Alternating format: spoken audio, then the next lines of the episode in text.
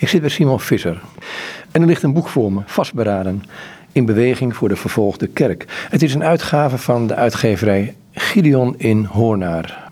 En het boek is uitgegeven in samenwerking met Stichting Open Doors. In het begin van het boek staat een tekst uit Openbaring. Ehm, Wees wakker en versterk het overige, dat dreigt te sterven.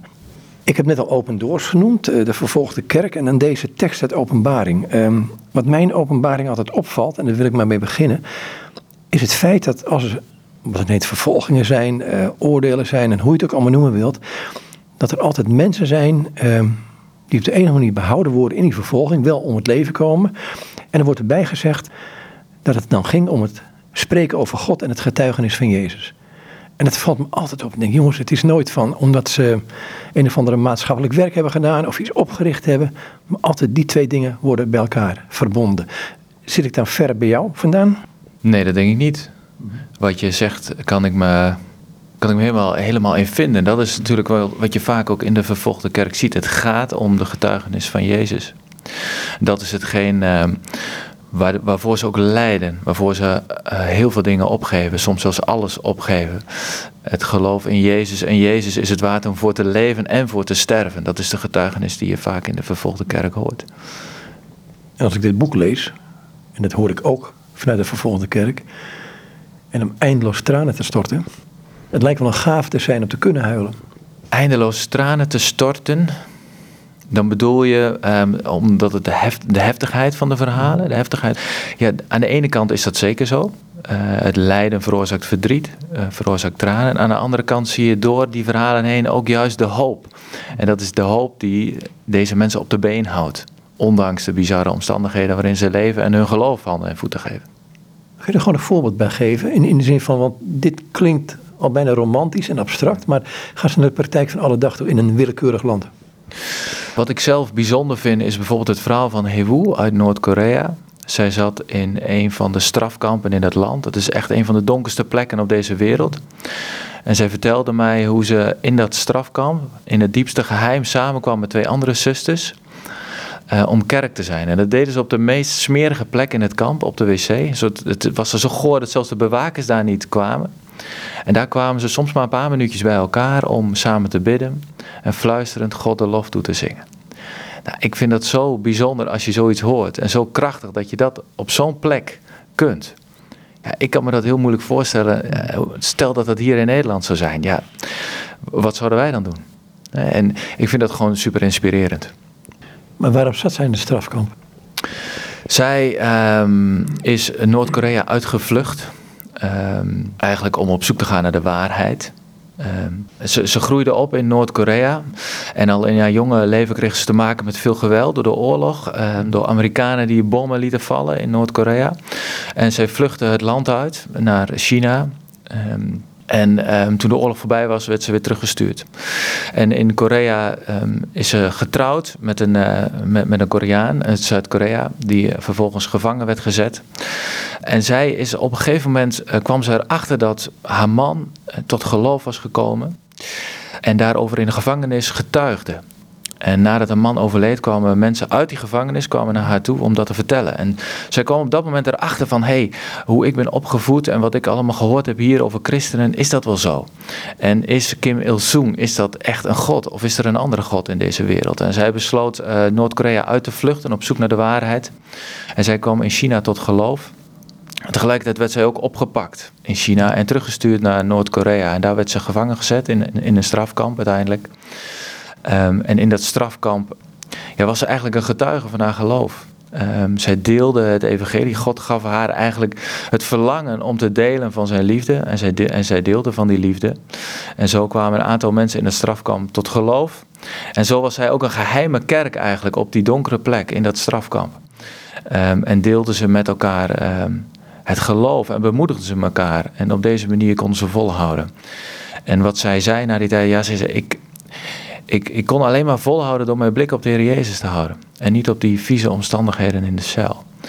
En dat soort verhalen, um, ja, dat, dat heeft impact. Helemaal als je dat hoort, ik hoorde dat van haar aan de grens met Noord-Korea. Ja, dan ben kom je zo dichtbij. Bij, bij, bij dat verhaal en bij wat heeft, iemand heeft meegemaakt. Ja, dat is, dat is gewoon inspiratie ook voor mijn eigen geloofsleven. Denk wel, wat is, wat is het mij waard? En hoe, hoe zal ik mijn geloof praktisch handen en voeten geven als ik in zo'n situatie terecht zou komen? Zou ik ook de krachten hebben en, en, en het lef om op zo'n plek te evangeliseren? En hoe doe ik dat nu in Nederland? Zij zegt op een gegeven moment, ik hield, of jij zegt, zij zei dat zij um, haar blik op de Heer Jezus gericht hield. Hoe deed ze dat in die omstandigheden en wat is daaraan vooraf gegaan? Want het komt niet uit de lucht vallen. Nee, ik denk hoe zij dat deed. Um, zij had bijvoorbeeld in, in, China, waar ze een tijdje heeft gezeten, in een opvanghuis, heeft zij um, Bijbelversen uit haar hoofd geleerd. Um, Bijbelversen die ze later dus, omdat ze die uh, Bijbelversen in haar hoofd heeft en in haar hart droeg, kon ze die Bijbelversen herhalen, ook in dat strafkamp. En gebed is een cruciale rol in uh, je blik gericht houden op de Heer Jezus. En elke dag beginnen met gebed. En een leven met God, al biddend. Dat, dat, is, dat is de manier om je blik op de Heer Jezus te houden. Omdat je doordat je bidt, ben je ook bewust van zijn aanwezigheid in je leven. Nou woon jij in Nederland hier, druk, druk, druk. Hoe doe je het dan? Um, ik probeer dat ook op dezelfde manier te doen. Ik zeg niet dat dat altijd lukt. Maar eh, elke ochtend als ik opsta, begin ik mijn dag met gebed. Dan dank ik God voor een nieuwe dag. Ik begin elke dag met het Onze Vader, want dat is het gebed wat Jezus ons leert in, zijn, in, het, in het woord. Ik bid voor mijn kinderen, voor mijn vrouw, voor de vervolgde kerk, maar ook of de Heilige Geest mij elke dag weer opnieuw vult. En mij helpt om de juiste dingen te doen in de dag die voor me ligt. En nou, ik heb bijvoorbeeld vanmorgen toen ik hier naartoe reed ook gebeden voor ons gesprek. En zo probeer ik in mijn leven ook elke dag mijn blik op Jezus te houden. Zeg je dan dat je God bij alles betrekt? Uh, bewust en onbewust. Um, want ik geloof ook als je ochtends de dag begint en je vraagt God of Hij erbij is die dag, dan is Hij erbij. God wil erbij zijn in ons leven. Maar ik probeer ook om, om bijvoorbeeld een gesprek wat wij nu hebben of andere dingen die ik doe, om God daar bewust bij te betrekken. In de wetenschap dat Hij er ook bij is. Dus niet alleen afhankelijk van mijn gebed, gelukkig. Een van de dingen die, um, als ik dit boek lees, hè, um, misschien is dat een beetje een ondeugende vraag, denk ik, ja, het is een boek over vastberaden, in beweging voor de vervolgde kerk is de ondertitel. Gaat het dan over de vervolgde kerk of gaat het over Simon Visser, dit boek? Ik denk um, beide. Ik ben onderdeel van de wereldwijde kerk. Ik zeg het ook in mijn boek, er is geen vervolgde kerk eigenlijk. We, we, we noemen de vervolgde kerk in de praktijk vaak zo. Maar in principe is er geen vervolgde kerk. Er is ook geen vrije kerk. We zijn wereldwijd één kerk. En ik ben onderdeel van die kerk. Net als jij dat bent. En net als al die broers en zussen die in het boek staan. En nog veel meer dan dat natuurlijk. Dus het, het boek gaat over, over mij als onderdeel van de wereldwijde kerk. En over onze vervolgde broers en zussen. En ik hoop dat door mijn schrijven heen mensen geïnspireerd worden door de verhalen en de lessen die ik zelf heb geleerd. Ik vind het zelf elke dag weer bijzonder hoe God eigenlijk een, een simpel figuur als mij op deze manier kan gebruiken. Ik mag de verhalen van de vervolgde kerk delen in Nederland. Ik mag over hen spreken, een stem voor de vervolgde kerk zijn. En dat vind ik, vind ik elke dag eigenlijk gewoon ook wel een wonder. Zo'n simpel persoon als jij, hoe simpel ben je dan en hoe wonderlijk is dit? Nou, ik ben, eh, ik ben een super simpel persoon. Want ik, alles wat ik doe, kan ik alleen maar doen omdat, omdat God mij daarin helpt. Want zonder zijn aanwezigheid, dan, dan loop ik geen meter hard. Zonder zijn aanwezigheid spreek ik, eh, is het niet mogelijk om te spreken, het woord te openen. En, en dat is gewoon mooi, dat, dat, dat God... Eh, in de Bijbel staat het ook, hij, kan, hij maakt rechte slagen met een kromme stok. Of, ik, ik, weet niet precies hoe het er staat, maar, maar uh, het is een gezegde volgens mij. Uh, en zo voelt het ook in mijn leven. Maar ik mag werkzaam zijn bij Open Doors. Ik ben begonnen als boekhouder. En nu mag ik als spreker het land in. En dat heb ik zelf niet bedacht. Je zegt niet iets heel curieus. Dat, dat ik doorgaan. Je zegt, er is geen vervolgde kerk. Maar goed, wanneer wie werd het muntje gevallen? Hoe is het traject geweest om tot, tot die conclusie te komen? Ja, laat ik aan het begin beginnen. Ik werkte, voordat ik bij Open Doors werkte, werkte ik in de accountancy als relatiebeheerder. Ik, ik had een mooie baan. Ik zat prima op mijn plek. Ik ging elke dag heerlijk op het fietsje naar het werk. Ik ging eh, half acht, acht uur van huis. Ik was voor vijf uur terug, dus dat was best relaxed. En toen was ik Bijbel aan het lezen en aan het bidden. En eh, toen zag ik uh, vacature. Oh nee, toen wou ik een gift doen. En toen dacht waaraan zal ik eigenlijk een donatie doen? En toen moest ik denken aan Open Doors. Toen dacht ik, maar wat doen die eigenlijk precies? Dat wist ik niet zo goed. Ik ging dus naar de website van Open Doors, opendoors.nl. En ik zat er te kijken naar het werk wat ze deden. En ik kwam een vacature tegen. Um, als boekhouder.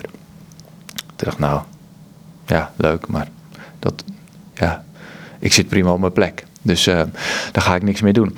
Maar die, die, vacature bleef maar door mijn hoofd zingen. Uh, in die week daarna. En ik denk, nou, misschien moet ik hier wel mee. Misschien is het God wel die dat door mijn hoofd laat zingen. Dus weet je wat ik doe? Ik schrijf een sollicitatiebrief op die vacature. En uh, ik maak het niet mooier dan dat het is. Dat gebeurt natuurlijk nog wel eens met een sollicitatiebrief. Maar ik schrijf gewoon even zo'n brief en die doet de deur uit. En als het Gods wil is dat ik daar bij Open Doors ga werken, dan is het zo. Maar als het niet zo is, dan is het ook helemaal prima. En ik deed die brief de deur uit. En toen werd ik uitgenodigd voor gesprek. En toen kwam ik hier voor het eerste gesprek en dacht ik, nou, het is eigenlijk best een hele mooie organisatie. Een mooi gesprek. We begonnen met gebed. Dat vond ik vrij bijzonder voor een, een sollicitatiegesprek. En ik werd uitgenodigd voor een vervolggesprek en een derde gesprek. En voordat ik het door had, werkte ik als boekhouder bij Open Doors. En pas toen ik hier werkte, toen, toen drong echt tot mij door wat de vervolgde kerk is. Tuurlijk had ik erover gelezen. En helemaal to, voordat ik hier kwam werken, heb ik natuurlijk echt wel veel boeken gelezen en me ingelezen over de missie van Open Doors. Maar hier werd ik echt geconfronteerd met uh, wat er in de wereldwijde kerk gebeurt. Dat er een vervolgde kerk is. Een deel van die wereldwijde kerk die te maken heeft met vervolging en met lijden. Ik hoorde de verhalen elke ochtend in de bid stond. Uh, ik ging na verloop van tijd op reis, daadwerkelijk naar de vervolgde kerk toe. En toen kwam het besef pas echt. Dan denk ik van, hé, hey, maar dit is, dit is er aan de hand in de wereldwijde kerk, waar ik onderdeel van ben. Dit kan mij niet onberoerd laten. De Bijbel leert ons dat we moeten delen in het lijden en delen in de vreugde. En uh, daar was ik mij nooit zo van bewust. Niet op deze manier. Als je dat vertelt, denk ik, ja, dat lijden van die kerk. Wat, wat is de oorzaak van dat lijden van die kerk? Um, en ik begrijp dat het is omdat ze Jezus willen volgen. Maar vaak zijn de oorzaken kunnen ook heel praktisch zijn. Dat iemand niet in een papaverveld wil uh, meewerken. Of aan bepaalde economische processen die duidelijk een criminele aard hebben. Of ik, ik noem maar wat, als ik aan Zuid-Amerika denk trouwens. Um, zo zijn er meer van die dingen. Hoe, wat zijn vaak die, die, de reden waarom zij vervolgd worden? Nou, eigenlijk benoem je het al in je vraag natuurlijk. Um, per land kunnen dat soms andere oorzaken zijn waar de verschillende aanjagers van vervolging eigenlijk. Hè? Als bijvoorbeeld in, uh, in um, ik noem maar een land, um, bijvoorbeeld Iran kijken. Maar ook in veel andere landen, vooral islamitische landen. Dan zien we natuurlijk als een moslim tot bekering komt in, en gaat geloven in de Heer Jezus. Dat de familie daar heel veel moeite mee heeft. Iemand die tot bekering komt meteen als afvallige wordt gezien. Een beetje zoals wij in de Tweede Wereldoorlog een NSB'er zouden zien. Ja, dus ook een, een, stuk verraad, zo wordt het vervoerd. En, en ook wel een stuk schaamte. En dat is natuurlijk wel heel ingewikkeld.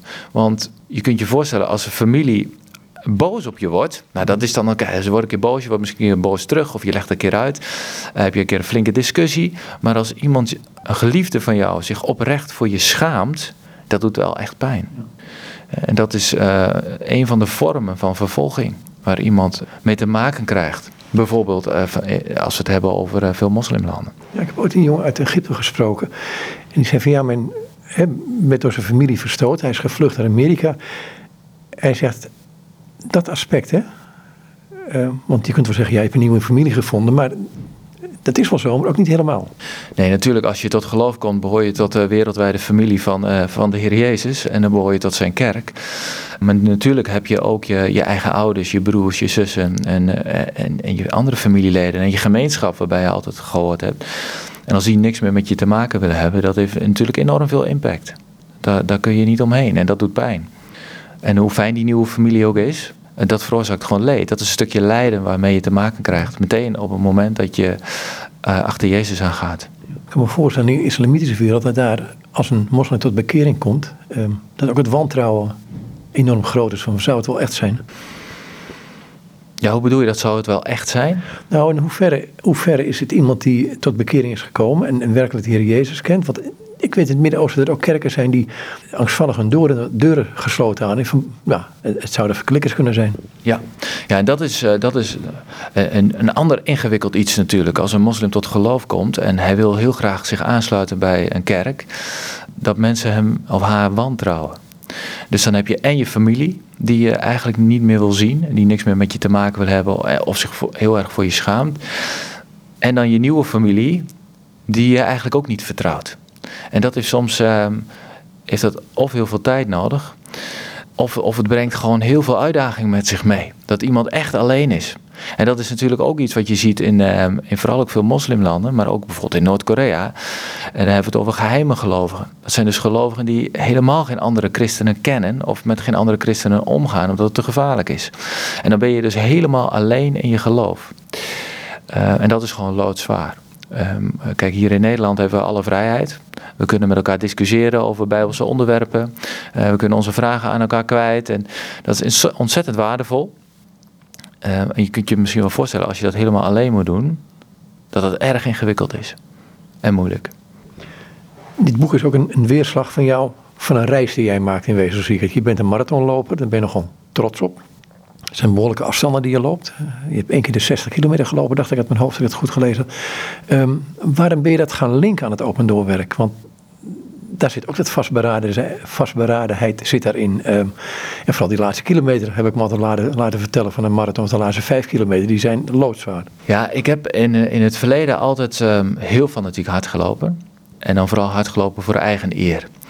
Ik heb jaren gevoetbald en van allerlei sporten gedaan in mijn verleden. En eh, toen brak ik mijn enkel en mijn scheenbeen met voetbal. En daarna dacht ik van nou, nu ga ik me richten op het hardlopen. En eh, toen begon ik met drie keer hardlopen in de week. Ik begon echt op nul na die blessure. En dat ging best goed. Ik begon wedstrijden te lopen, vond ik leuk, evenementen. En ik begon al steeds wat verder naar voren te lopen. Dus uh, toen dacht ik op een gegeven moment, wat nou als ik niet drie keer in de week ga trainen, maar als ik vier keer in de week ga trainen? Dan word ik misschien nog wel iets beter. Dus ik ging vier keer in de week trainen. En wat denk je? Ik werd inderdaad nog iets beter. En ik begon sneller te lopen, begon elke keer nieuwe records te lopen. En toen dacht ik, wat nou als ik niet vier keer in de week ga trainen, maar dat ik vijf keer in de week ga trainen? En ik werd nog beter. En toen begon ik uh, wedstrijden te winnen. Ik begon uh, geldprijzen te winnen. Ik kreeg de bloemen. Ik mocht het podium op. En ik kreeg sponsors. En ik werd uitgenodigd voor de wedstrijden. Dus ik hoefde me niet meer in te schrijven. Maar ik werd gevraagd: Simon, wil je alsjeblieft komen? En ik werd steeds trotser en trotser. En steeds fanatieker. Totdat eigenlijk alles bij ons thuis draaide om mijn hardlopen. Elke dag was ik aan het trainen. Ik ging op tijd naar bed. Het, wat we gingen eten, onze agenda's, alles werd afgestemd op mijn trainingen en de hardloopwedstrijden. Totdat ik geblesseerd raakte. Van de een op de andere dag eh, kreeg ik een scheenbeenblessure. Waardoor ik van elke dag trainen en alles draaide om het hardlopen helemaal niets kon doen. Ik zat gewoon thuis. Nou, dat was enorm frustrerend. Want als, als sporter wil je gewoon wil je sporten. En ik wilde gewoon weer wedstrijden lopen en dat lukte niet. En elke keer probeerde ik het weer en moest ik weer uh, wandelen naar huis. Um, en met serieuze klachten. Ik weet nog hoe ik op de dijk bij, bij Kampen, waar ik vandaan kom, was ik aan, weer aan het hardlopen. En ik moest weer gaan wandelen door de pijn. En toen was het alsof God rechtstreeks tot me sprak. Simon, wie, wie staat er op nummer 1 in je leven? Wie is het belangrijkst? En ik wist wat het antwoord moest zijn. Maar ik wist ook wat het oprechte antwoord was. En ik besefte mij dat het hardlopen was onbewust het belangrijkste in mijn leven geworden.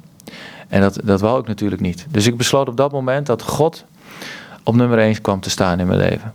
En dan mijn gezin. En dan de kerk en dan de rest.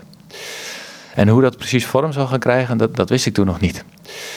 Uh, maar ik wist wel dat dat mijn uitgangspunt werd. En um, daarna begon ik weer rustig mijn trainingen op te bouwen. Blessure bleef weg. Ik kon weer rustig gaan trainen. Nou, ik denk een paar jaar later kwam Open Doors in beeld. En ik, ging werken bij Open Doors. En toen werd ik ook um, geconfronteerd eigenlijk met de Muscatlon. De Muscatlon is een sportieve beweging voor de vervolgde kerk, even heel kort gezegd. Nou, vertel me wat je ermee kunt doen, want, want ik heb de website bekeken en er gebeurt best het nodige. Ja, nu even niet in die coronatijd, maar... Ja, het is eigenlijk een extreme uitdaging. Eigenlijk een ultieme uitdaging op een extreme locatie, waarbij je een significante bijdrage levert tegen onrecht. Dat is eigenlijk de formele definitie. En waar het op neerkomt is dat we met die Muscatlon uh, op reis gaan naar de vervolgde kerk.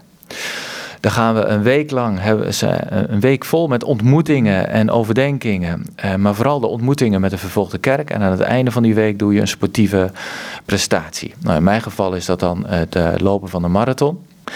Kost je een jaar, de Muscatlon, een jaar van voorbereiding. Dus de sportieve voorbereiding. Maar daarnaast, ehm, als je je aanmeldt voor de Muscatlon dan ga je het commitment aan dat je 10.000 euro aan sponsorgeld ophaalt. In dit geval is dat dan voor Open Doors.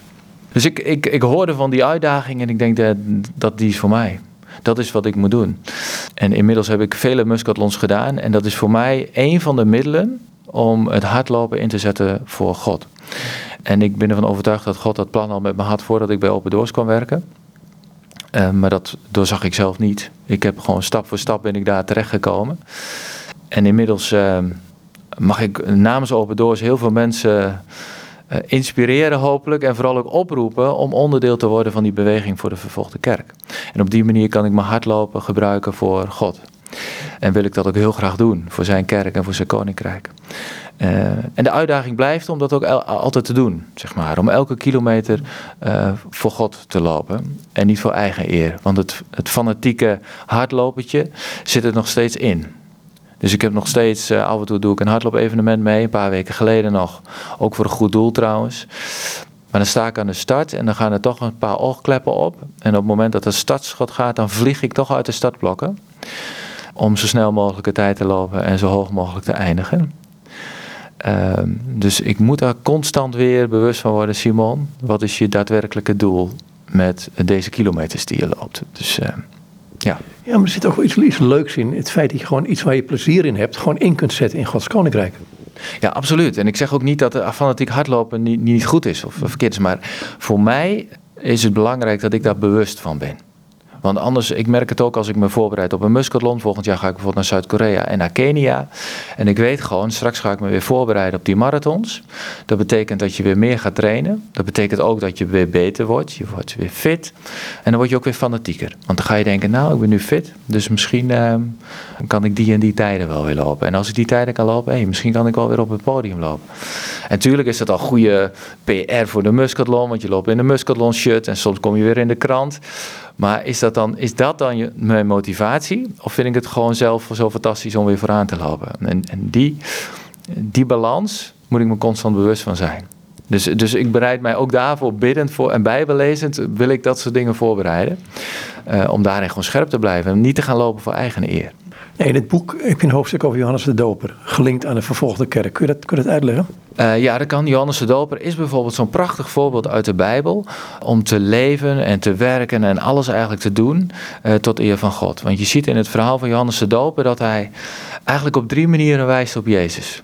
Op het moment dat hij Jezus aanziet komen, dan wijst hij, ik ben ervan overtuigd, misschien wel met twee vingers op, op Jezus. Hij, daar is het lam van God, daar is hij. Maar ook in wat hij zegt, wijst hij in alles op de Heer Jezus. En ook in wat hij doet, wijst hij op de Heer Jezus. En dat is voor mij gewoon een belangrijk voorbeeld. In alles wat ik doe, denk ik vaak aan Johannes de Doop. Als ik bijvoorbeeld naar een spreekbeurt toe rijd, dan, dan bid ik vaak: Heer, laat mij zijn als Johannes de Doper. Dan in alles wat ik doe en zeg, dat ik wijs op u en niet op mezelf. En dat is ook wat ik eh, in de vervolgde kerk veel zie. En in mijn boek heb ik het over Musa uit Egypte. Want ik moest bij dit verhaal meteen aan hem denken. Ik had het voorrecht om met hem een eh, boottochtje op de Nijl te maken. Hij is een collega van mij die in, in Egypte werkt. Hij vertelde over hoe het in Egypte is, hoe de kerk daar ook struggles heeft en moeite heeft met alle vervolging. En hoe uh, de mensen uit zijn kerk te maken hebben met vervolging. Hoe ze bijvoorbeeld buitengesloten worden. Hoe ze gediscrimineerd worden in een sollicitatieproces. Hoe kinderen uit zijn kerk achteraan gezet worden in de klas als de leerkracht weet dat ze christenen zijn. En zo gaf hij allerlei voorbeelden.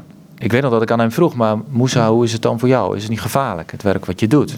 En je getuigt zo openlijk van Jezus, je bent elke dag op, weg voor, voor zijn kerk. En zei ja, ik weet dat als ik straks aan land stap weer, uit de, of van de boot afstap, en ik draai mijn sleutel om, dat ik het risico heb dat mijn auto wordt opgeblazen en dat ik weg ben. En uh, ik keek hem aan en ik zei, wow, je bent, je bent voor echt een held. Een held dat je gewoon dit werk doet en dat je zo vrijuit getuigt van, van je geloof. En toen ging hij staan en toen wees hij letterlijk naar boven en hij zei, het gaat helemaal niet om mij. Ik ben geen held, het gaat om Jezus. En ik kan dit alleen maar doen omdat hij mij de kracht daarvoor geeft. En het is een voorrecht om te werken voor hem. Ik ben helemaal geen held. En ik zat te kijken en ik dacht, ja, ik, ik vond hem nog grotere held, heb ik me niet gezegd op dat moment. Maar ik denk, wow, als je dat toch kunt, dat je op zo'n manier kunt getuigen. En toen vroeg ik hem, ik zeg, Moussa, als ik terug ben in Nederland en ik vertel jou een verhaal over, uh, over de kerk in Egypte, wat jij meemaakt, wat onze broeders en zusters hier meemaken, waar kunnen we dan voor bidden? En ik had verwacht dat hij zou zeggen: Nou, bid maar dat, dat we wat minder gediscrimineerd worden. Bid maar dat er geen bomaanslagen meer zijn op de kerk. Maar er was helemaal niks van dit alles. Hij zei, dank God maar voor alles wat hij doet hier in Egypte. Dank maar voor de moslims die tot geloof komen. En bid maar dat we nog meer het licht van Jezus mogen verspreiden als kerk in Egypte. Nou, en toen was ik, toen was ik stil. Ik zat hem aan te kijken en denk, denk, heb ik dat nog goed gehoord? Ja, die ontmoeting, dat vergeet ik nooit meer. Maar geeft het ook niet een enorme shift in je denken, in, in je perceptie van waarvoor leef ik en, en wat doe ik hier in Nederland? Want wij worden ook door allerlei goede dingen hoor, eindeloos in beslag genomen zonder dat we werkelijk met Heer Jezus bezig kunnen zijn. Ik zeg het voorzichtig. Ja, dat is zeker. Dat is iets wat ik echt ook wel geleerd heb eh, door al die ontmoetingen met de vervolgde kerk. Dat eerst, eerst denk je, ik ga, ik ga naar de vervolgde kerk toe, want ik wil tot zegen zijn. Dus de eerste keer dat ik bijvoorbeeld met een muskatlon op pad ging, ik denk ik, ja, ik wil echt tot zegen zijn voor de mensen die ik ontmoet. En tuurlijk ben je dat ook als je er bent, hè? want het is ontzettend belangrijk om echt schouder aan schouder te staan. Om, om ook te laten zien, we zijn wereldwijd één kerk en we zijn jullie niet vergeten. Maar die ontmoetingen waren veel grotere zegen voor mij. Ja, aan de ene kant, natuurlijk, ze hebben onze hulp nodig, ze hebben ons gebed nodig, ze hebben ook onze financiën nodig om, om overeind te blijven, denk ik. Misschien, uh, misschien zie ik dat wel, nou, zie ik dat niet goed. Tuurlijk, eh, ze hebben ons nodig, maar wij hebben hun ook nodig. Ik was in, uh, in, in Zuid-Korea in het eind 2019 en er zei een Noord-Koreaan die gevlucht was, die zei, hij zei Simon, in Noord-Korea gaat de duivel rond als een briesende leeuw. En kunnen we heel goed zien waar hij aan het werk is. Maar bij jullie in Nederland, dan gaat hij rond als een engel van het licht. En dat is misschien wel veel gevaarlijker. En hij slaat de spijker op zijn kop. Ik denk, ja, wij hebben de lessen van veel vervolgde christenen, denk ik, nodig. Om te zien hoe het er daadwerkelijk voor staat hier in Nederland. En hoe we misschien heel rijk zijn in uh, materieel. Alles misschien wel voor elkaar, ook al is er ook armoede in Nederland. Maar ik denk dat er vooral in veel gevallen misschien wel geestelijke armoede is. En dat vervolgde christenen geestelijk veel rijker zijn dan ons. Je hebt het over dat hij vraagt: laten mensen voor ons bidden. Um, daar hangt hier zo'n ding in de gang bij Open Doors. Um, met zo'n tekst van Anne van der Bijl. Ik hoop dat ik hem goed citeer. Hij zegt: het bidden dat, dat is niet wat iets wat erbij komt. Ik zeg het in mijn eigen woorden. Maar het is het eigenlijke werk. Um, hoe kom je tot het besef en hoe doe je dat op die manier? Want ik, heb, ik merk bij bidden vaak dat ja, je gedachten kunnen alle kanten op dwalen op een gegeven moment. Ja, weet je, weet je wat ik zo mooi vind? Uh, Anne van der Bijl is natuurlijk echt een inspirerend voorbeeld. Hij zei ooit eens, hij zei, het is vandaag ontzettend druk. Dus ik ga eerst maar eens twee uur bidden. En dat is eigenlijk de, de spirit om aan de slag te gaan elke dag. Dat, het, het gebed op de eerste plaats stellen. En dat is heel moeilijk, want ik heb zelf ook uh, bijna elke dag zit mijn agenda te vol. En probeer dan maar eerst eens de rust te vinden om na twee uur, uh, laten we het op een half uur houden, om eerst maar eens te gaan bidden. Maar dat is wel het belangrijkste waarmee we doen. Want wij kunnen zwoegen als we, voor wat we willen.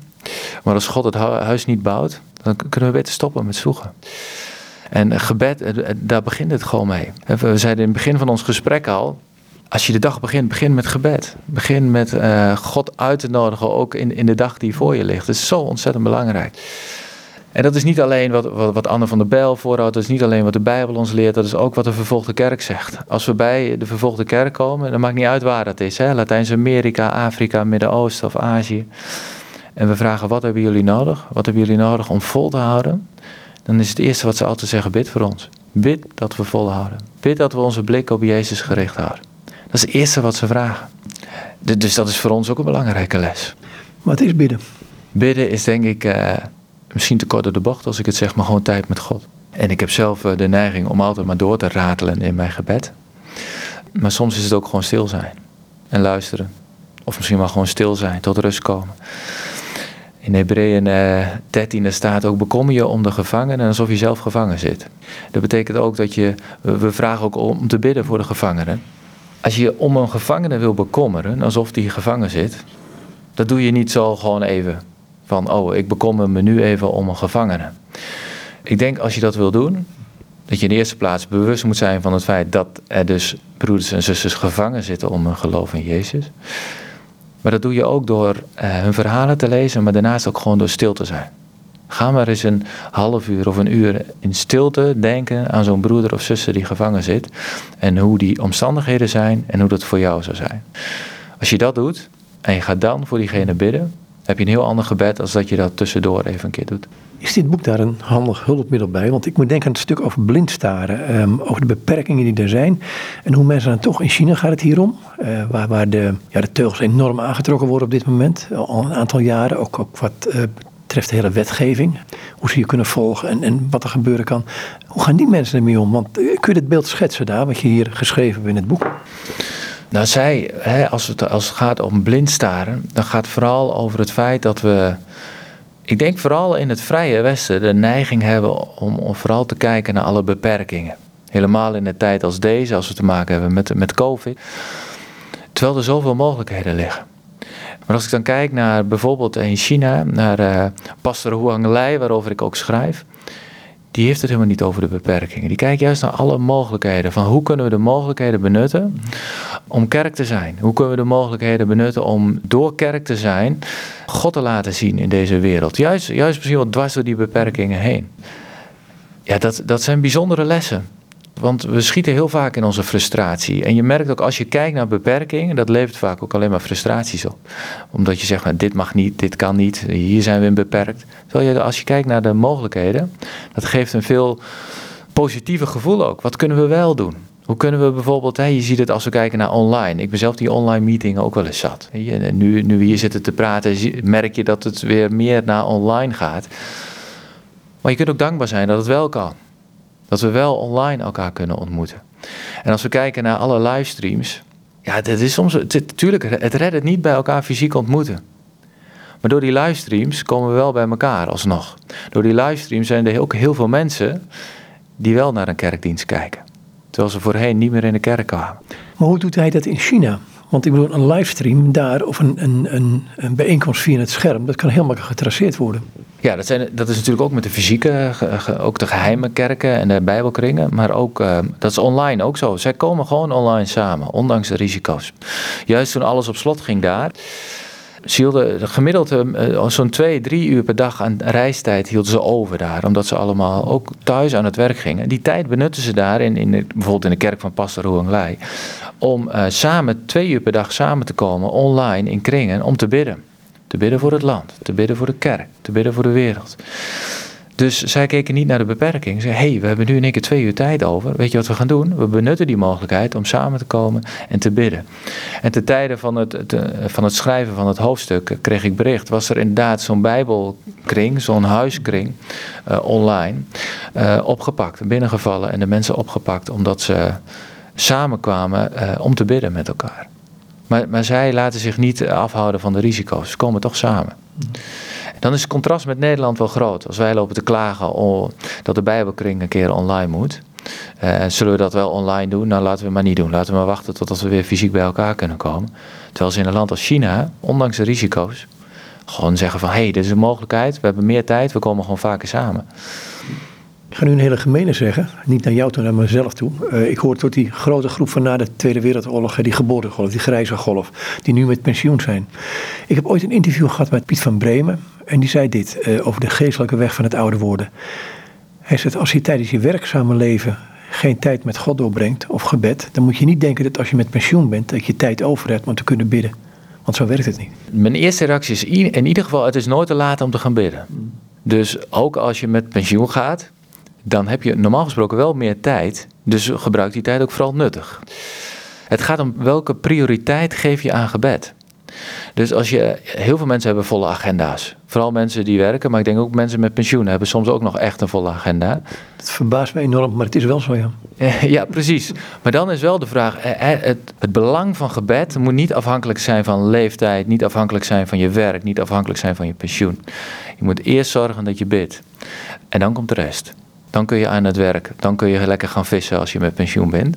Maar ook dan moet je je dag beginnen met gebed. Alleen heb je aan de waterkant meer tijd om te bidden dan dat je in een drukke meeting zit. Dus dat verschil is er. Maar die, die tijd kun je alleen maar heerlijk benutten, denk ik, om dat samen met God te doen. Maar ik ook dat je, je bent, je bent wat jonger dan ik ben, dat dacht ik tenminste wel.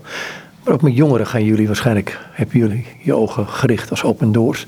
Uh, hoe stimuleer je die zo dat ze inderdaad er een gewoonte van maken, laat ik het maar het, woord gebruiken, om te bidden, om wanneer je straks bijvoorbeeld hele dagen thuis zit of wat voor reden ook, dat je daarmee door kunt gaan. Dat je weet van die, die zinvolheid, die geeft God aan mijn leven. Ja, heel, heel praktisch. Uh, jongeren We spreken veel voor jongeren. Ehm, jongeren zijn ook een belangrijke groep die we de verhalen uit de vervolgde kerk willen vertellen. En wat we afgelopen jaren ontwikkeld hebben is ehm, heel simpel, is een open doors gebedsapp. Uh, komt er elke dag komt er uh, gewoon een nieuw gebed op je app, krijg je een notificatie van. En dat is maar heel kort natuurlijk. Hè. Je krijgt een notificatie op je telefoon. Um, nou, nu zitten ook mensen met pensioen tegenwoordig, denk ik, best veel op hun telefoon. Maar jongeren, denk ik, nog meer. Die krijgen gewoon een notificatie. En dan eh, dat kan een heel kort gebed zijn. Maar zijn ze wel weer even bewust van het feit: oh ja, er is een vervolgde kerk. En oh ja, ik moet bidden. En dat, kan misschien in een paar woorden zijn, maar dat is wel een van de manieren waarop we ook jongeren het belang van gebed uh, willen voorhouden. Waarvan heb je dit boek eigenlijk geschreven? Wat, wat is een doel? Nou, ik ga al jaren eigenlijk als spreker het land in. Uh, dus ik spreek voor verschillende groepen. Op, in de zondagse diensten doe ik de preek, maar ook op catechisatie, op scholen, op benefietdiners, benefietconcerten, noem maar op. En mijn motivatie daarin is, en het doel daarmee is, om het verhaal van de vervolgde kerk te vertellen en de mensen bewust te maken van het feit dat we onderdeel zijn van de wereldwijde kerk en dat het consequenties heeft. Hele mooie consequenties, want we horen tot een wereldwijde beweging waar Jezus aan het hoofd staat. Dus dat is een voorrecht om daar onderdeel van te zijn. Maar ook dat we moeten delen in het lijden. Dus die boodschap die deel ik door te spreken, maar nu ook door middel van uh, dit boek te schrijven.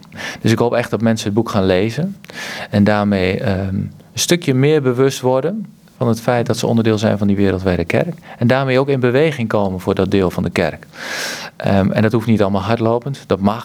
Dat is ontzettend leuk om te doen, maar niet iedereen is een hardloper. In, in de eerste plaats vooral in beweging te komen door middel van te bidden. Want dat is wat de vervolgde kerk ons ook vraagt. Dus dat is de reden en de motivatie waarom ik dat boek heb geschreven. Om mensen gewoon bewust te maken van het feit dat we wereldwijd één kerk zijn. En ik hoop dat ze in beweging komen voor dat deel van de kerk wat te maken heeft met lijden door vervolging. Nou heb je aan het eind van elk hoofdstuk, ik pak er één willekeurig uit, heb je van die zo'n lijstje van vragen. Nee, maar dat hoofdstukje over panoplia is, is panoplia. Ik wist niet wat het was. Ik hoorde te weten, want ik heb Grieks gehad. Eh, maar goed. Ja, wat is dat? En, en eh, die vragen mag je dan met mij even doornemen. Mag een ander hoofdstuk nemen. Maar goed, dat vond ik wel leuk. Maar goed, het zet ook tot activiteit op. En het wordt, je wordt ook zo activistisch kunnen worden. Je denkt van, oh, dit red ik niet. Want niet iedereen doet hetzelfde. Panoplia betekent gehele wapenrusting trouwens. Of de wapenrusting van een compleet bewapende soldaat is het eigenlijk. Nee, ik denk, voor, mij is het bijvoorbeeld, ik noem een voorbeeldje. Anne van der Bijl uh, roept op om elk jaar minimaal één keer de Bijbel door te lezen. Dat, als je hier bij Open Doors gaat werken, is dat een van de eerste dingen die je hoort. En dat, eh, dat ben ik ook gaan doen toen.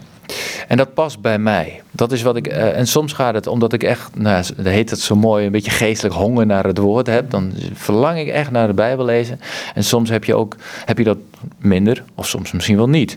Maar dan is het gewoon een stukje zelfdiscipline. Maar ik doe het gewoon elke dag, lees ik mijn Bijbel, zodat ik elk jaar één keer de Bijbel lees. En dat helpt voor mij. Maar dat wil niet zeggen dat het voor iedereen zo is. Uh, je, hebt mensen die misschien uren in gebed uh, doorbrengen elke dag dat werkt dan, dat is prettig voor diegene. Anderen doen het door muziek of elke dag een preek of een podcast. Maar het feit is wel dat je uh, bewust bent van het christen zijn. Dat is belangrijk voor iedereen. Dat je kind van God bent en dat je dat elke dag bent. En dat is wel belangrijk. Dus het is niet zo dat je alleen op zondag christen bent. En, en hoe je dat als christen invult. Niet, kijk, dat is ook met gewoon. Ik heb zelf twee kinderen. Niet elk kind is hetzelfde. Niet elk kind heeft dezelfde aanpak ook nodig. Dus ik denk dat is ook met kinderen van God. Dus, dus ik denk dat je dat een ieder voor zichzelf wel kan invullen hoe je um, je leven invult als kind van God. En hoe je leeft tot eer van Hem. En ik blijf heel erg bij de les door Bijbel te lezen en te bidden. En ik denk, ik denk overigens dat het. Maar het kan voor niemand kwaad om elk jaar de Bijbel te lezen. Nee, dat denk ik helemaal gelijk. Um, maar er zijn van die, van die irritante vragen bij je. Um, ik zeg het maar even zo, omdat het, dan houd je misschien wat. Hoe zorg jij ervoor dat je je dagelijks bewust bent van de geestelijke strijd en bijbehorende aanvallen? Denk ik van hallo, waar gaat dit over? Ja, dat is een pittige vraag, hè, als je die meteen zo krijgt. Het is wel goed dat je die na een hoofdstuk krijgt natuurlijk, hè, waar het in het een en ander uitgelegd wordt daarover. Nou, dan gaat het over het bewapenen, de geur van Christus zijn en noem maar op. Nou, ik noem inderdaad een paar voorbeelden in dat hoofdstuk. En als je niet bewust bent van het feit dat je in een, in een geestelijke strijd zit, dan kan het je overkomen. En dan kun je zomaar af en toe onderuit gaan. Maar noem er eens voorbeelden bij, want soms wordt iets als geestelijk gezien terwijl mensen gewoon maar honger hebben, gewoon eens op tijd moeten eten. En soms zijn het werkelijke aanvallen, maar die komen niet in de vorm van ja, dat kan heel subtiel zijn. Ja, als je bijvoorbeeld, uh, ik noem maar wat, je gaat boodschappen doen, je zit in de auto en je hoort, uh, tegenwoordig heb je van die reclames die je oproepen om vreemd te gaan bijvoorbeeld. En als je die reclames hoort, dan klinkt dat heel, alsof het heel normaal is. Van, oh, eh, doe eens een keer spannend, ga eens een keer vreemd. Het is heel normaal in de wereld waarin we leven. Hè? Als je daarin niet scherp bent, dan kun je daar zomaar in meegaan. Terwijl als je daar s ochtends vroeg de dag begint met God en je bent bewust van het feit dat je onderdeel bent van zo'n strijd, je trekt de wapenrusting aan, je kent het woord van God, dan weet je dat dat niet goed is. Dat God ons niet heeft geroepen om vreemd te gaan, maar trouw te zijn aan je partner. Of als je bijvoorbeeld, uh, je, we, hebben ze aan de deur gehad, of je komt ze tegen in de stad. Uh, mensen die uh, zich voordoen alsof ze het evangelie verkondigen, maar dat niet doen. Die bijvoorbeeld Jezus niet als God erkennen als je niet scherp bent daarop, dan kun je daar zomaar in meegaan. En voordat je het weet, uh, ben je in de war of, of ga je onderuit. Uh, en het is belangrijk dat je dus biddend de dag begint, biddend ook, ook de dag doorkomt. En dat je Gods woord kent. Ja, dat snap ik. Maar goed, ik ga naar die tweede vraag toe. Misschien kun je het dan nog wat verder verhelderen. Heb je wel eens een situatie meegemaakt waarin je ook met geestelijke ogen naar de echte werkelijkheid hebt gekeken? En heb ik het niet over, want die radio kun je uitzetten of niet aan te doen, maar gewoon, jij gaat naar de supermarkt toe of je rijdt op de snelweg of weet ik veel wat. Hoe zie ik dan de werkelijke, hè, wat je noemt, de, echte werkelijkheid? Nou, ik noem in mijn boek bijvoorbeeld het voorbeeld uh, uit Cairo in de vuilniswijk. Mhm ik, ik liep daar eerst in en toen zag ik echt de, de, de, de smerigheid. Het is, als, het is echt vies daar. Nou, ik, ik ken het van Mongolië. De vliegen en eindeloos vliegen en het stinkt alleen maar.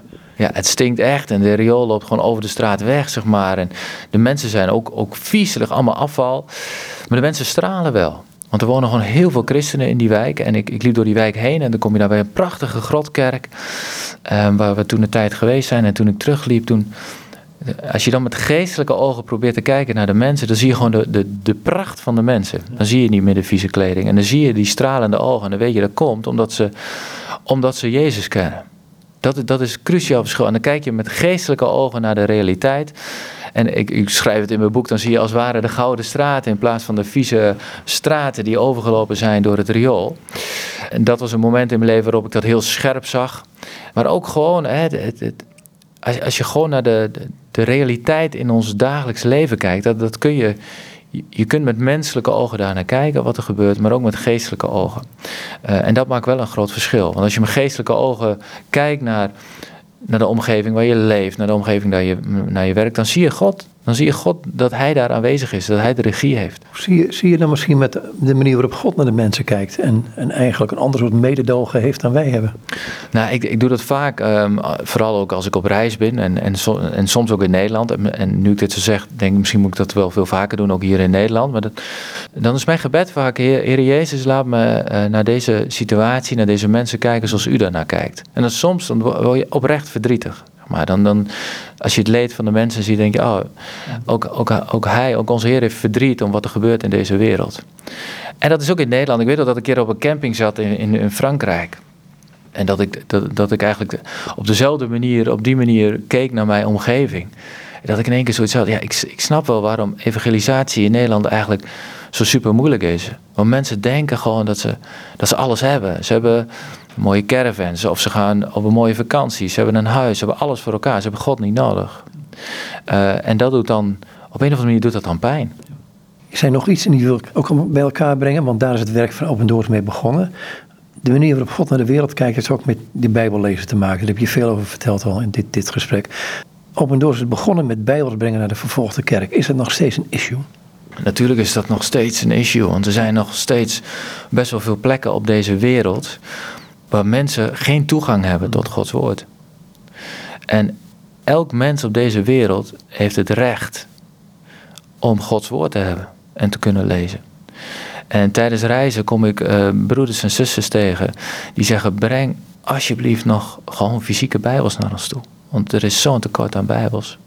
Dus dat probleem, om het maar zo te noemen, is er nog steeds. En die, die, die vraag is er gewoon nog steeds. En dat doen jullie nog steeds ruimhartig? Ja, je, je zult begrijpen dat ik eh, over details kan ik daar natuurlijk niks, niks van zeggen.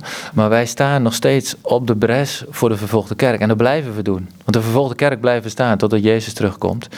En dus als die vragen komen, want dat is wel hoe we, we werken, field driven om het maar zo te zeggen. Wij vragen aan onze broeders en zusters die te maken hebben met vervolging: wat hebben jullie nodig? En eerst eh, altijd gebed. En dan komt er vaak nog het een en ander.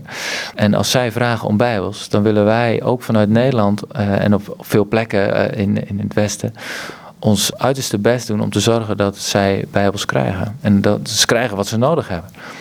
Heb je die momenten wel eens meegemaakt zelf, dat je bij de vervolgde kerk was en hoe blij zij met een Bijbel zijn? Ja, zeker is dat, is dat de Bijbel, maar ook gewoon je aanwezigheid zelf.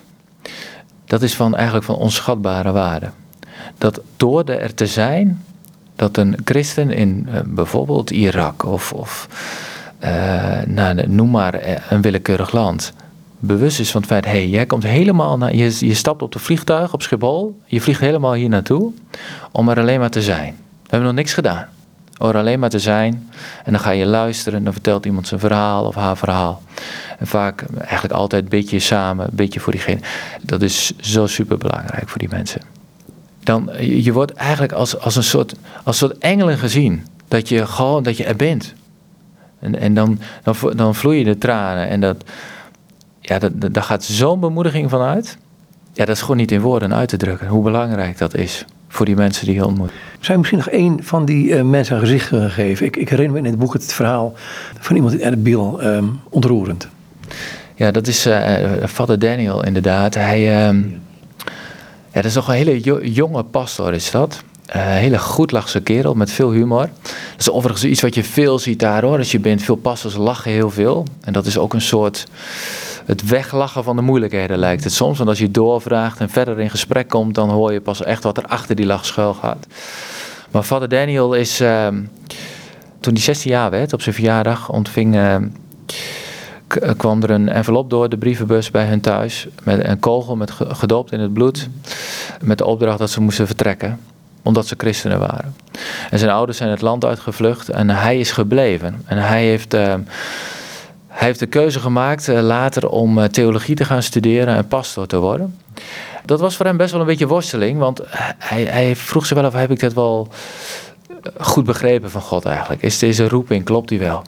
En twee jaar later uh, viel IS Irak binnen. Uh, of IS kwam in opstand eigenlijk in Irak en verdreven heel veel mensen uit hun uh, steden, ook uit Mosul.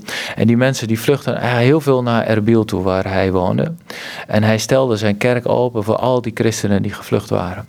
En dat was voor hem was dat echt een bevestiging van zijn roeping. Want dit, ik, mag er zijn voor al die mensen die eigenlijk geen plek hebben om om ergens terecht te kunnen. Die mag ik ehm, opvangen in mijn kerk. En jarenlang was hij eigenlijk een soort header voor uh, die enorme groep met mensen die geen, huis, uh, geen haard meer hadden en uh, gevlucht waren voor IS. En hij is daar nog steeds en hij, hij zorgt gewoon voor zijn, voor, zijn, voor zijn schapen eigenlijk. Als een, als een herder, als een jonge herder. Ja, hij is een heel inspirerend voorbeeld, ook voor, ook voor mij. Dat hij eigenlijk voor, voor deze mensen zorgt. Dus als, dat hij is een soort van baken van rust. In een land waar al zoveel gebeurd is aan oorlog, aan terreur, aan allerlei verschrikkingen. Zorgt hij voor een soort uh, rustplaats voor die mensen die allemaal op de vlucht zijn geslagen. En als ik daar dan over nadenk, na zo'n ontmoeting, denk ik, ja, dat is ook iets wat wij hier in Nederland mogen doen. Houd even bij jezelf. Hoe kun jij dat hier in Nederland gaan doen? Nou, ik mag als, als vader Daniel, mag ik ook uh, een soort baken van rust zijn. En dan hoef ik niet uh, een kerk te beginnen of pastor te worden. Maar dat kan bijvoorbeeld door, als ik ga hardlopen, om iemand anders mee te vragen om hard te lopen. Of als geen hardloper is, om te wandelen of een kop koffie met diegene te drinken. En gewoon maar te luisteren soms. Gewoon maar te luisteren, wat houdt je bezig? Uh, wat heb je nodig? Uh, kan ik iets voor je doen? En soms is het alleen maar luisteren. Ehm, of bidden. En, en, maar, maar ook voor mezelf. Ik kan een baken van rust zijn of een schuilplaats voor een ander. Maar ik heb zelf ook wel eens iemand nodig die naar mij luistert. Dus dan zoek ik iemand op met wie ik kan gaan hardlopen of met wie ik kan gaan wandelen, die naar mijn verhaal luistert. Uh, en zo mogen we er voor elkaar zijn. Vader Daniel is een van de vele voorbeelden voor mij hoe je dat gewoon heel praktisch handen en voeten geeft. Want dat, want dat is 1 Corinthians 12, vers 26, delen in het lijden. delen in de vreugde. Enerzijds een schuilplaats voor iemand zijn en soms ook gewoon bij iemand anders een schuilplaats zoeken. Wat doet Open Doors precies allemaal? Je hebt hier een prachtige boekentafel in het pand ehm, met behoorlijk wat uitgaven. Wat doet Open Doors precies en wat willen zij gaan doen en waarvoor hebben zij mijn steun nodig? Open Doors doet, nou, algemeen gezegd, we staan op de bres voor de vervolgde kerk. Dat heb ik al eerder gezegd natuurlijk. Wij gaan naar de vervolgde kerk toe en dan vragen wat hebben jullie nodig om vol te houden. En dat is in, eigenlijk in elk land er zijn er meerdere dingen nodig in elk land, maar het verschilt wel. Uh, de hulpvraag is wel anders. Dat, want dat ligt natuurlijk aan welke vormen van vervolging zijn er aanwezig in het land. Wat we altijd doen, is dat we de lokale kerk willen steunen. Want als we de lokale kerk helpen, dan kan de lokale kerk in dat land uh, de liefde van Jezus uitdelen. Dus dat is eigenlijk wat we in de eerste plaats altijd proberen. Dus de lokale kerk steunen. En dat kan soms zijn inderdaad door uh, bijbels of christelijke literatuur uh, uit te delen en te verstrekken. Dat kan zijn door uh, trauma hulp verlenen. Je kunt je voorstellen bijvoorbeeld in Irak. Hè, al die christenen die gevlucht zijn, die hebben ontzettend veel meegemaakt. Ze hebben oorlog meegemaakt, ze hebben geweld gezien, ze hebben soms geliefden verloren. Ehm, ze hebben heftige vervolging meegemaakt. Dat levert vaak trauma's op. Uh, Open Doors helpt hen om de, trauma te verwerken. We hebben landen waar um, vervolging toeneemt. Dus daar willen we de christenen, de kerk en soms ook gewoon de pastors toerusten. Want hoe ga je daar nou mee om? Wat, wat doe je als vervolging toeneemt? Wat doe je als je daarmee te maken krijgt? Uh, je hebt landen waar het aantal christenen enorm toeneemt. Waarin je soms uh, christenen hebben die pastor worden, maar die soms zelfs heel kort nog maar gelovig zijn. Die hebben echt hulp nodig. Hoe, hoe, hoe leid je nou je gemeente in een land waar vervolging is? Hoe ga je daar zelf mee om? Hoe zorg je als herder voor je schapen? We werken bijvoorbeeld met uh, safe houses. Nog niet zo lang geleden mocht ik zelf in een safe house zijn. Uh, en daar komen mensen, christenen, hebben echt letterlijk een plek waar ze tot rust komen. Dat kunnen soms zijn moslim uh, background believers, mensen die moslims die tot geloof zijn gekomen. Heel veel vervolging meteen erva ervaren vanuit hun familie. Die kunnen dan even in een, in een huis, kunnen ze echt even tot rust komen. Op een veilige plek waar niemand bij ze kan. Echt letterlijk uitrusten. Of pastors die gewoon echt even rust nodig hebben. Uh, naar de plek waar ik was. In dat safehouse mag ik bijvoorbeeld echt bidden voor bescherming en veiligheid. Dat safehouse had te maken met ehm, met inbraken. Ze wisten gewoon in die omgeving dat daar een safehouse zat, dat ze niet naar de politie toe kunnen. Dus een heel makkelijk doelwit zijn. Maar dat zijn wel plekken die we als Open Doors willen we die plekken steunen, omdat die zo nodig zijn uh, voor zoveel christenen.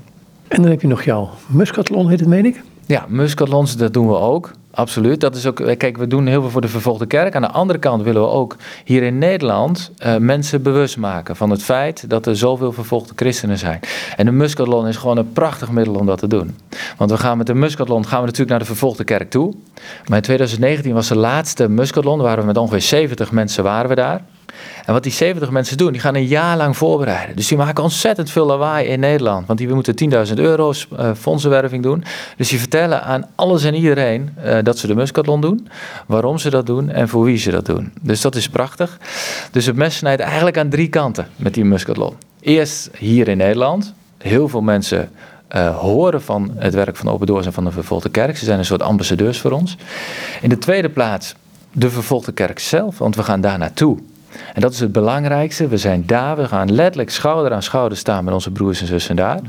En het levert natuurlijk heel veel geld op. Uh, de Muscatlon Zuid-Korea de laatste keer heeft ongeveer 650.000 euro opgebracht. Dus we kunnen ontzettend veel doen voor ons in ons werk. En de Muscatleet zelf. Die jaar van voorbereiding en de reis zelf is ook een geestelijke reis. Um, je kunt je voorstellen als je 10.000 euro aan sponsorgeld moet ophalen. Dat is echt superveel. En dat is bewust zoveel dat mensen echt zoiets hebben: ja, dit kan ik niet alleen. Dit moet ik doen in afhankelijkheid van God. Daar begint het al mee. En tijdens die reis en ook tijdens die, de reis echt in, bij de vervolgde kerk zelf, maken mensen uh, allerlei prachtige dingen mee, ook in hun geloofsleven. Dus het, het, het mes snijdt aan drie kanten in die muscatlon. Dus dat is, dat is gewoon prachtig. Ik ben echt fan van die muscatlon. En hebben jullie nog een app, een gebedskalender en een magazine en noem maar op. Dat kan allemaal toegestuurd krijgen, mensen toegestuurd krijgen als ze daarom vragen. Ja, we hebben eh, heel veel middelen eigenlijk, eh, waardoor mensen meer betrokken kunnen worden bij de vervolgde kerk. En middelen waardoor je ook geholpen wordt in het bewustzijn van wat er in de wereldwijde kerk allemaal gebeurt. En voor de ene is dat een gebedsapp, voor de ander is dat een magazine eh, waarin heel veel mooie lessen staan geschreven uit de vervolgde kerk. En soms zijn die verhalen heel confronterend en tegelijkertijd inspirerend tegelijk. Dus uh, dat helpt je ook weer in, in het gebed voor de vervolgde kerk. Want je kunt alleen maar echt bidden als je ook weet wat er speelt. En de mensen een gezicht krijgen natuurlijk als je dit boek leest. Ja, want als je een gezicht hebt, dan weet je ook voor wie je bidt. Ik wat hierbij laten, dankjewel. Heel graag gedaan. En dit zei Simon Visser. En met hem was ik in gesprek aan de hand van het door hem geschreven boek Vastberaden. In beweging voor de vervolgde kerk. Een boek uitgegeven in samenwerking met Open Doors door de uitgeverij Gideon in Hoornaar. Wilt u het boek aanschaffen? Dat kan. Gaat u naar de website www.opendoors.nl slash vastberaden. Daar staat alle ins en outs over het boek en hoe u het bestellen kunt. Goed, nogmaals, dat is over dit gesprek met Simon Visser.